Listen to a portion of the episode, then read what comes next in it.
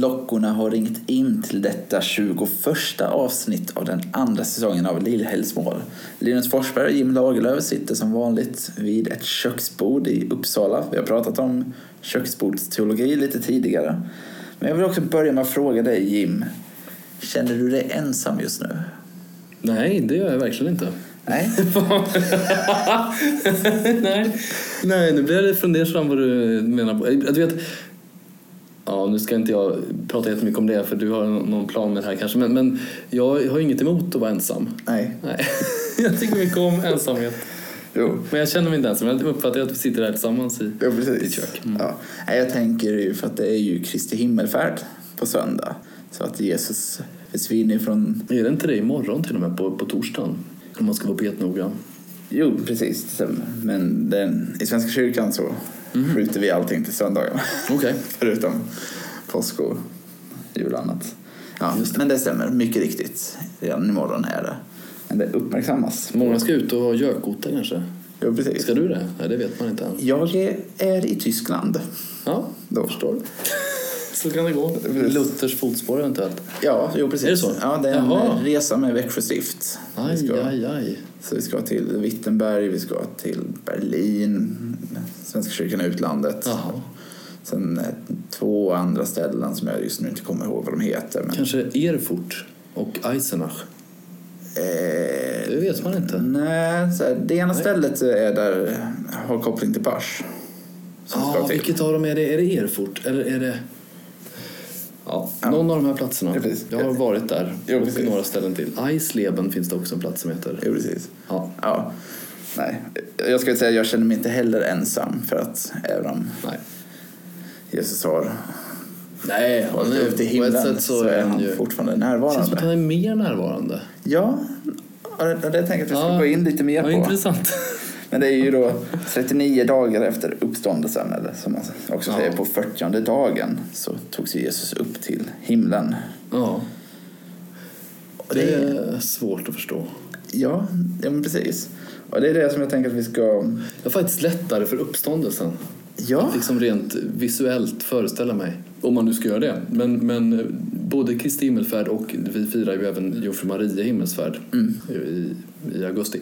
Det är svårt att se det framför sig. ja, men jag håller med om det. För att det som händer är ju... Det är ju inte att Jesus far liksom upp genom molnen och så här flyger runt i rymden någonstans, utan Jesus lämnar ju det, det Ja, kosmiska. Ja, ja. Men det är ju så det beskrivs. Alltså han lyfts på skyar står det ju då. Jo, precis. Ja, det är svårt. Man tänker de här, du vet, man har sett såna i barnbiblar. Där Jo. står lärjungarna och så ser man två fötter som sticker, sticker ner från liksom där Jesus då försvinner iväg. Hans Ja. fötter bara Ja, som precis. kvar. Ja, jag tror jag såg någon bild som barn på när han sitter på något moln som flyger Mm, uppåt också.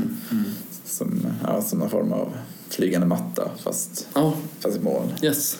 Ja, nej, så det... Jag Även. Mumintrollen har ju tillgång till såna här moln. Om du Ja, har sett eh, Trollkarlens hatt där så kommer det ut rosa moln. jag har pinsamt dålig koll på det. Ja, Mumintrollen. nej, men det, det är precis, det förekommer även där då. Ja, precis. Jag tänker vi ska fokusera på det här för att Ja, det är nu. ingen fara. Ibland är den här podden lite rörig. förstår inte var det kommer ifrån. Det är mitt fel då. Jag förstår helt var det kommer ifrån. Ja. Ja. Nej, men i Svenska kyrkan, för då, det är ju då Kristi himmelfärdsdagen som vi uppmärksammar. Herre över allting är Yes. under rubriken. Och då läser vi från Lukas evangeliets 24 kapitel, verserna 49 till 53. Mm. Och kort sagt så är det ju himmelsfärden som Mm. äger rum. Framför lärjungarna lämnar Jesus jorden och upphöjs till himlen. Just det. Den här händelsen är ju en av få händelser från Jesu liv som också finns med i trosbekännelsen. Mm, precis. Man nämner ju den där. Uppstigen till himlen. Uppstigen till himlen, sittande på allsmäktig Gud faders högra sida. Därifrån igenkommande och så vidare. Men det är, ja, just det. Jo, så det är ju en viktig händelse då kan man Ja, tänka sig. precis. Ja. Du, eh, nu kommer jag avvika lite kort från det, men eftersom du sa trosbekännelsen. Mm. Ja. För att eh, lutherska kyrkorna har, använder sig av tre stycken. Hur är det i katolska kyrkan? För vi har Ja, den liturgiskt har vi bara en då. apostoliska och atanasianska. Ja, just det. Alltså alla de är ju även katolska trosbekännelser. Mm. Fullt ut. så att säga. Vi har lite andra formuleringar på svenska än vad man har. Vi säger ju inte en helig allmännelig kyrka utan en helig katolsk kyrka. Vi använder ju det, det gre- grekiska begreppet. Och eh, sen så... eh, Nej, nej, men vi har allihopa. Man kan säga att i första hand använder vi eh, den, den niceanska trosbekännelsen i våra gudstjänster. Men när man ber rosenkransen exempelvis, eller andra, andra typer av böner, då kan man använda den kortare eh, apostoliska trosbekännelsen. Det var ett sidospår. Men Ja, ja, jag tänker vi gillar och folkbilda varandra också. Så. Så fick jag lära mig någonting. Men jag tänkte att vi håller kvar lite. Vad betyder himmelsfärden för dig? Ja, precis. Alltså jag, har ju det, jag har faktiskt funderat väldigt mycket på det. Mm. Och eftersom du frågar nu Linus så tänkte jag berätta lite om vad jag faktiskt har tänkt på. Tackar, tackar. Eh, ja, nej, men, och då är det så här att jag hade blivit döpt eh, den 14 december 2008. Då döptes jag. Då var jag fortfarande väldigt fundersam över mycket i kristendomen. Alltså väldigt mycket. Jag kände mig lite, jag identifierade mig ganska mycket med Thomas Tvivlaren innan han fick eh, känna, eller erbjudandet att känna på såren där. Jag märkte liksom många andra som jag har börjat umgås med tror på många saker här. Eh, i, som jag hör om i Bibeln och som jag läser om i trosbekännelsen och liksom förstår att man uppfattar som kristen tro. Men jag kände mig att eh, ja, men jag har inte sett det här och jag har inte, jag har inte märkt det här. Jag litar mycket på, på de här andra människorna, deras utgångspunkter. Och sen då 2009 på våren så åkte jag på en eh, åkte jag till en reträttgård, en retreatgård och arbetade där. Och för, att, för att göra det så gjorde man först en provvecka. Och då var det Kristi himmelfärd. Så jag var där den veckan. ehm, Och det förändrade mitt liv skulle jag säga. Och jag inte, det var några år senare som jag kopplade ihop det här med att det var ju på Kristi himmelfärd det här hände. För jag förstod då, jag läste en bok som Wilfrid Stinnisen, en karmelitbroder i, i Skåne, hade skrivit som hette Kristen djupmeditation där han förklarade en hel del vad är liksom skillnaden mellan, mellan kristen meditativ bön och till exempel eh, buddhistisk eller österländsk meditativ bön? Och han sa flera saker som jag uppfattade att poletten trillade ner för mig.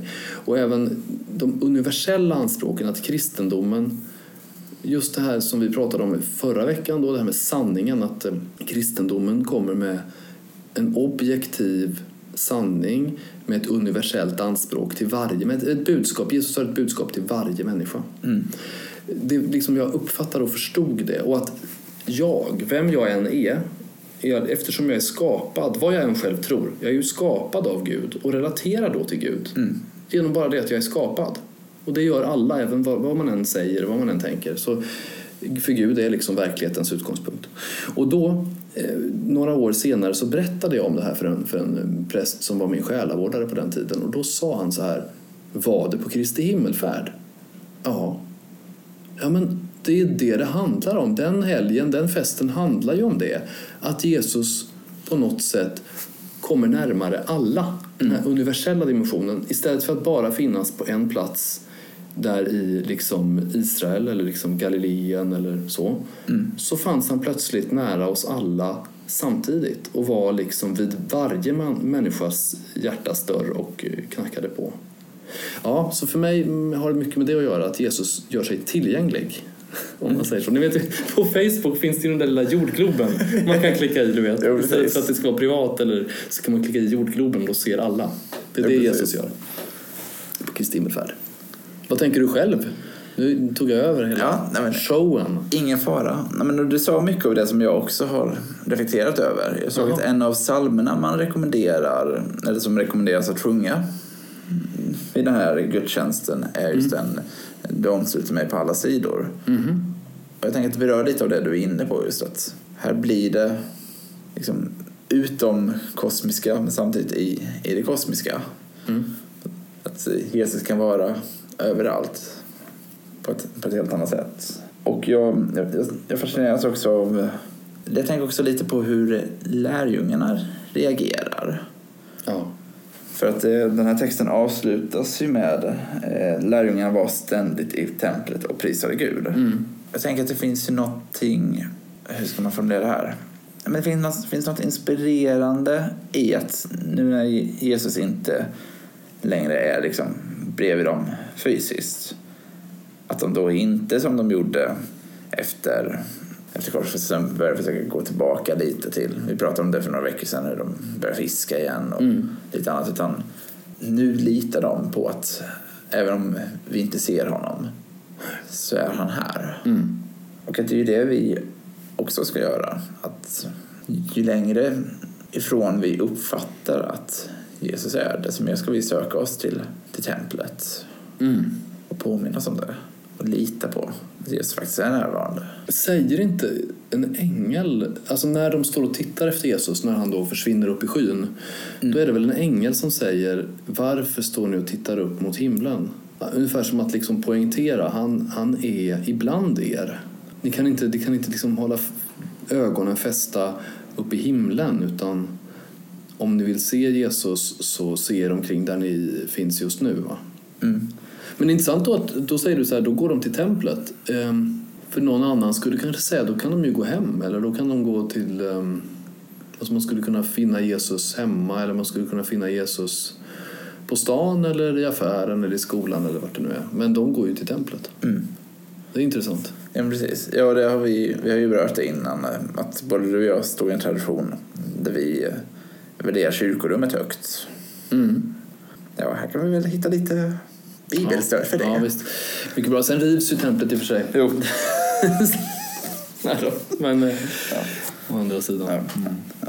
Jag tänker att det finns en till grej som jag tycker är viktigt att stanna upp. För att um, Jesus ger ju lärjungarna, eh, även här, det finns ju, vi har ju missionsbefallningen i Matteus. Mm. Men även här blir det ju en, en missionsbefallning. Ja, absolut. Men, men det Jesus också gör tydligt med, och det här tänker jag är någonting väldigt viktigt att, att vi påminner oss om. Att Jesus säger att ni ska stanna kvar i staden och vänta tills ni får kraften från höjden. Ja.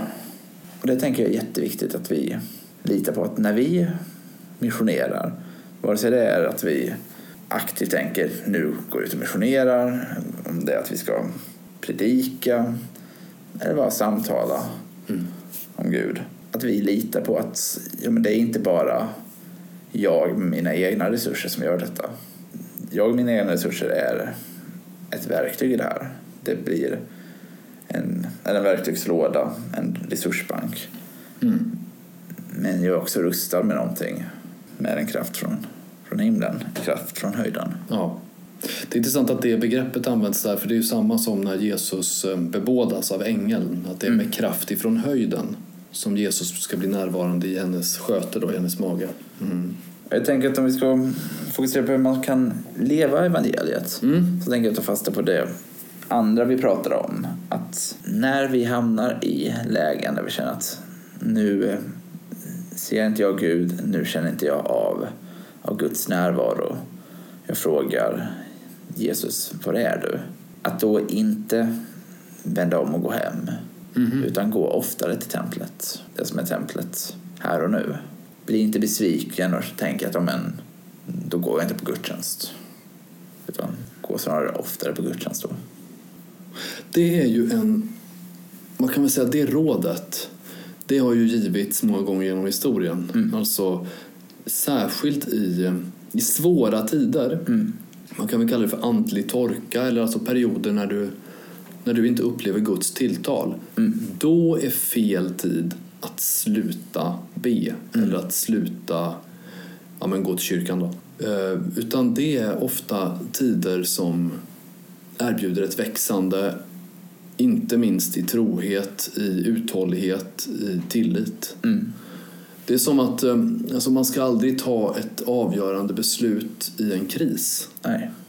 För då är man inte alltid fri att ta beslutet. Mm. Men våra präster i Uppsala, våra katolska präster är jesuiter flera stycken och de, de har ju utvecklat det här med modeller för hur man fattar beslut och då är det här med att just att man ska göra sig fri vid, vid beslutandet. Alltså man ska inte ha bundit sig för, för då, gör, då, då påverkar ju det beslutet. Mm. Och man ska vara fri i det läge när man ska bestämma någonting över sitt liv. Till exempel, ska jag sluta gå i kyrkan? Någon kanske skulle säga, ja men det bara blev så. Ja, så är det kanske, men någon gång bestämde du dig för att inte gå. Mm. Eh, vänta med att bestämma sådana saker tills du är fri. Mm. Så att du kan fatta ett vettigt beslut som du kan stå för inför dig själv. Mm. Och då undrar jag ju, vad ska ni läsa i katolska kyrkan? Vi fortsätter ju med Jesu avskedstal. Det pågår ju flera kapitel. Och nu har vi kommit till kapitel 17 då.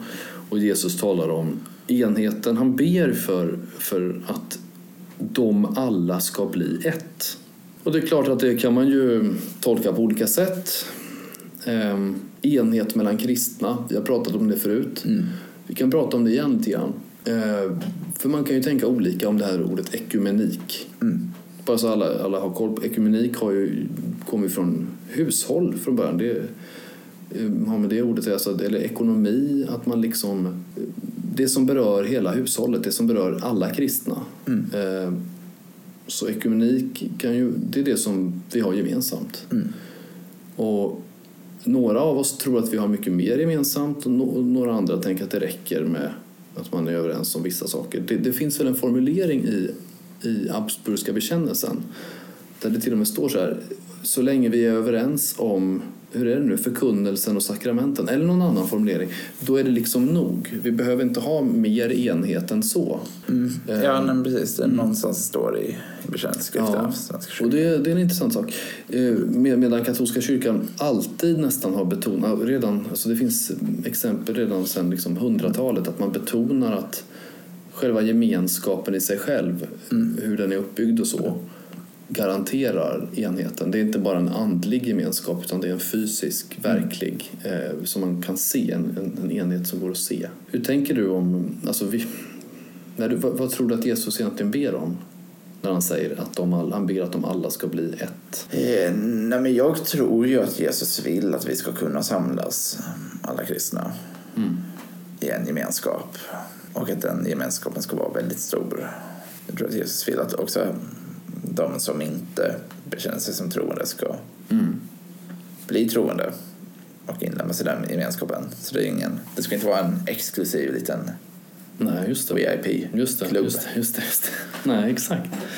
Och eh, nej, precis, alltså man kan väl säga Alltså enhet kan ju låta lite konformt, som att alla ska vara likadana, se likadana ut och tänka på samma sätt och sådär. Och det, det är inte säkert att det är det han tänker på. Däremot vill han väl att vi ska vara eniga i vissa avseenden. Mm. Alltså, det, man kan ju jämföra det med en familj. Om man pratar om ekonomi, eh, ekumenik då, att jämföra det med en familj. Att eh, alla i familjen tycker inte likadant. Man fattar olika beslut, gör olika prioriteringar. Och vissa är morgontrötta, andra är inte det. Alla möjliga saker som man är olika. Men det är ändå otvetydigt så att man hör ihop. Mm. För det mesta. Sen finns det ju familjer som, där det blir brott eller på något annat sätt så att, man, att det trasas sönder. Det gör det ju verkligen. Ja, men men bilden av familjen där tänker jag är vettig. Mm. Ja, där, jag tror att jag var inne på det också när vi pratade om ekumenik förra gången. Det var väl väldigt tidigt Mm. på något sätt, i, i somras. Mm. Men att jag eh, hoppas ju att eh, kyrkan ska kunna komma samman. Men att det inte blir vad ska säga, påtvingat. Att, att det inte blir att nu bestämmer vi att det är den här nattvardssynen som gäller. Eller. Mm. Utan att vi kommer samman för att vi faktiskt blir övertygade om en gemensam hållning. Ja, Att det är en genuin övertygelse som förenar oss. Och inte att ja, men, den kyrkan fick, fick in det här i vårt gemensamma paket. Nej. Den kyrkan fick in det här och nu får vi alla köpa det. Det, det är inte det däråt jag vill. det är faktiskt jätteintressant för det, det där tror jag är vi är ju så vana vid att demokrati funkar så ju. Mm. Att man förhandlar Ja, och kompromissar. Men det blir ju svårt om man tror att sanning finns, som vi har pratat om. Alltså det, Mm. blir ju, det går inte att kompromissa med sanningen om man tror att den finns. Utan Mm. då behöver man ju... Mycket kan ju handla om att hitta ett gemensamt språk. Ja. Alltså att man ungefär så här, men vi menar nog ganska lika, men vi uttrycker det olika. Det var ju det man Så kom fram till. Det var ju en väldigt stor schism mellan öst och väst i början av Ja. 1000-talet. Ja. Och där kom man ju fram till det, om det var 1900-talet, som erkände att mycket av det här handlar egentligen om att vi, det, det var språkförbistringar egentligen. Så här. Och politik såklart. Ja, ja men precis. Så här. Vi tyckte egentligen mer lika. Mycket av det här anser vi är överspelat. Ja. Mm. Medan ibland finns det reella skillnader. Ja, men under 1900-talet har det ju hänt väldigt mycket på enhetens område. Alltså Mm. att kyrkor motarbetar ju inte varandra på samma sätt längre. Nej. Sen finns det absolut kvar massor av fördomar och massor av liksom negativa bilder av den andra och den andras teologi då. Mm. Men, det man har gjort är ju att man har bett mycket mer tillsammans och man har förstått att vi har gemensamma intressen. Men det är svårt alltså. Vi är splittrade. Kristenheten är splittrad och förlorar på det skulle jag säga varje dag. Därför att det är ett sånt dystert vittnesbörd. Om vi talar om vem Gud är, att han är kärlek och försoning, inte minst var försoning. Och sen tittar vi ut över kristenheten och ser motsatsen mot det.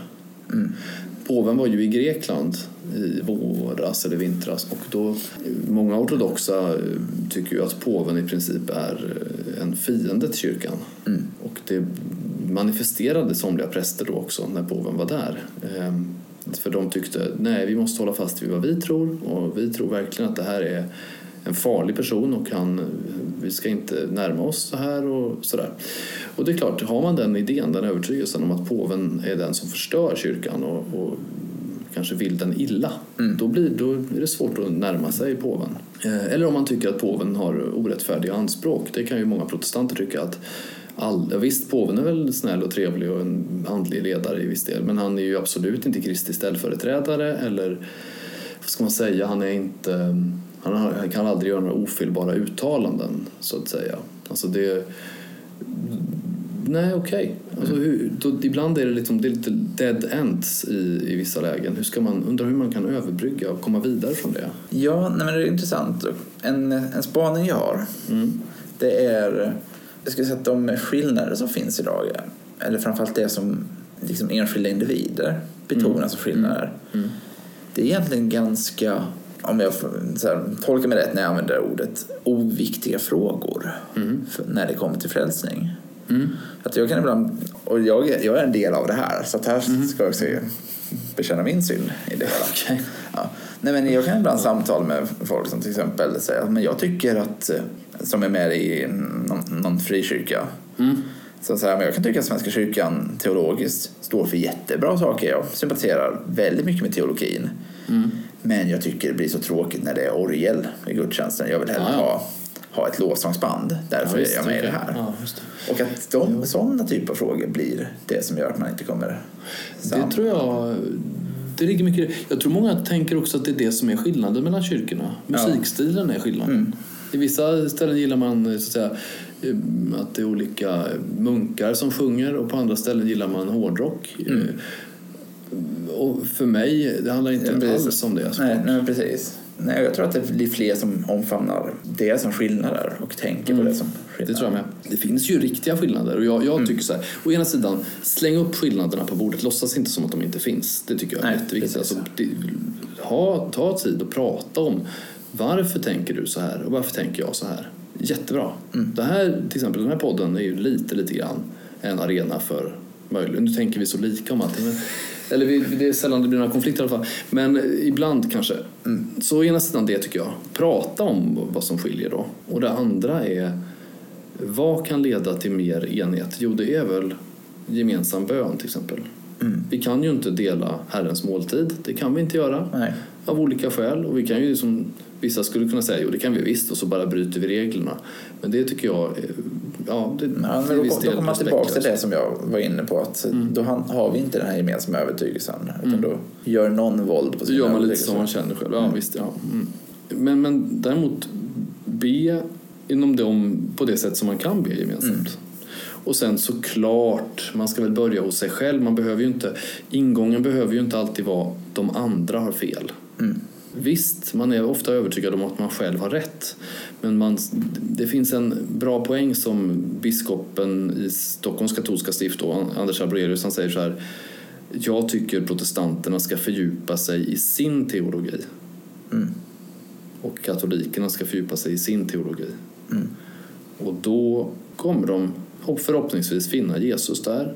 Och om det är samma Jesus vi finner, då har vi kommit fram. För det är ju det det måste handla om, att vi söker efter större, alltså att Jesus ska vara centrum i enheten. Vi kan ju ha såklart massor av olika kulturföreningar där vi liksom har samma stadgar och sådär. Mm. Men det måste ju vara, bottenplattan är Gud är den som håller ihop oss. Precis som i äktenskapet, det Gud fogar samman Mm. kan människan inte skilja åt. Det kan vi också använda om... Jag tror att alla döpta hör ihop och sen måste vi på något sätt upptäcka vad dopet är. Att det är en ny familjetillhörighet där Jesus är i centrum. Alltså på något sätt finns det en osynlig verklighet att upptäcka. Definitivt. Ehm, Så på ett sätt, att Jesus också ber för enhet. Mm. Ehm, Hans ord vänder inte tillbaka fruktlöst brukar man ju säga. Att han, han får det han ber om. Mm. Ja, hur ska man leva det här evangeliet tänker du? Mm. Ja, precis. Jag tycker att man ska läsa någonting som någon har skrivit, någon person som man inte brukar hålla med.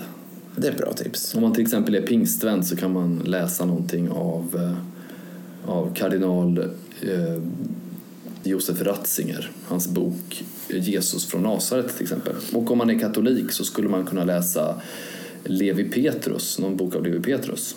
Eller lyssna på någon predikan, det finns på, på Youtube. Jag eh, skäms ju lite. Jag har ganska, så här, ganska ofta tycker jag ändå att jag försöker läsa texter och sådana som jag inte håller med om. Men det är två personer, jag ska inte namnge dem av, Mm. av respekt både för dem och för de som sympatiserar väldigt mycket med dem. Men om jag klickar in på en debattartikel Mm. i, i Kyrkans Tidning, Dagen, vad som Ja. helst Yes. och ser att något av de här två namnen dyker upp, då stänger jag ner den artikeln. Att, Åh! jag vet, jag vet. Och det här ska jag ta till mig av. Nu kommer den här podden snart ta slut och då kommer jag få veta vilka det här är. Ja, Och jag längtar så mycket efter att den här podden ska sluta nu. Alltså, oj, oj, oj, oj, oj. ja. ja. Men näst, det jag skulle säga att eh, Ja. det blir ett löfte som jag lovar inför er poddlyssnare och dyrt och heligt inför Gud. Att Ja. nästa gång jag stöter på en artikel Intressant. om någon av de två, eller ibland, Vilka kan det vara? ja, då ska jag läsa den från början till slut. Det är ett löfte. Härligt. Och med det så tänker jag att vi zoomar ut för idag. Går in i... Fastan? Ja, Nej, nej. nej. Går in i vår egna andakt en liten stund. Ja. Och så hörs vi om en vecka. Hej då!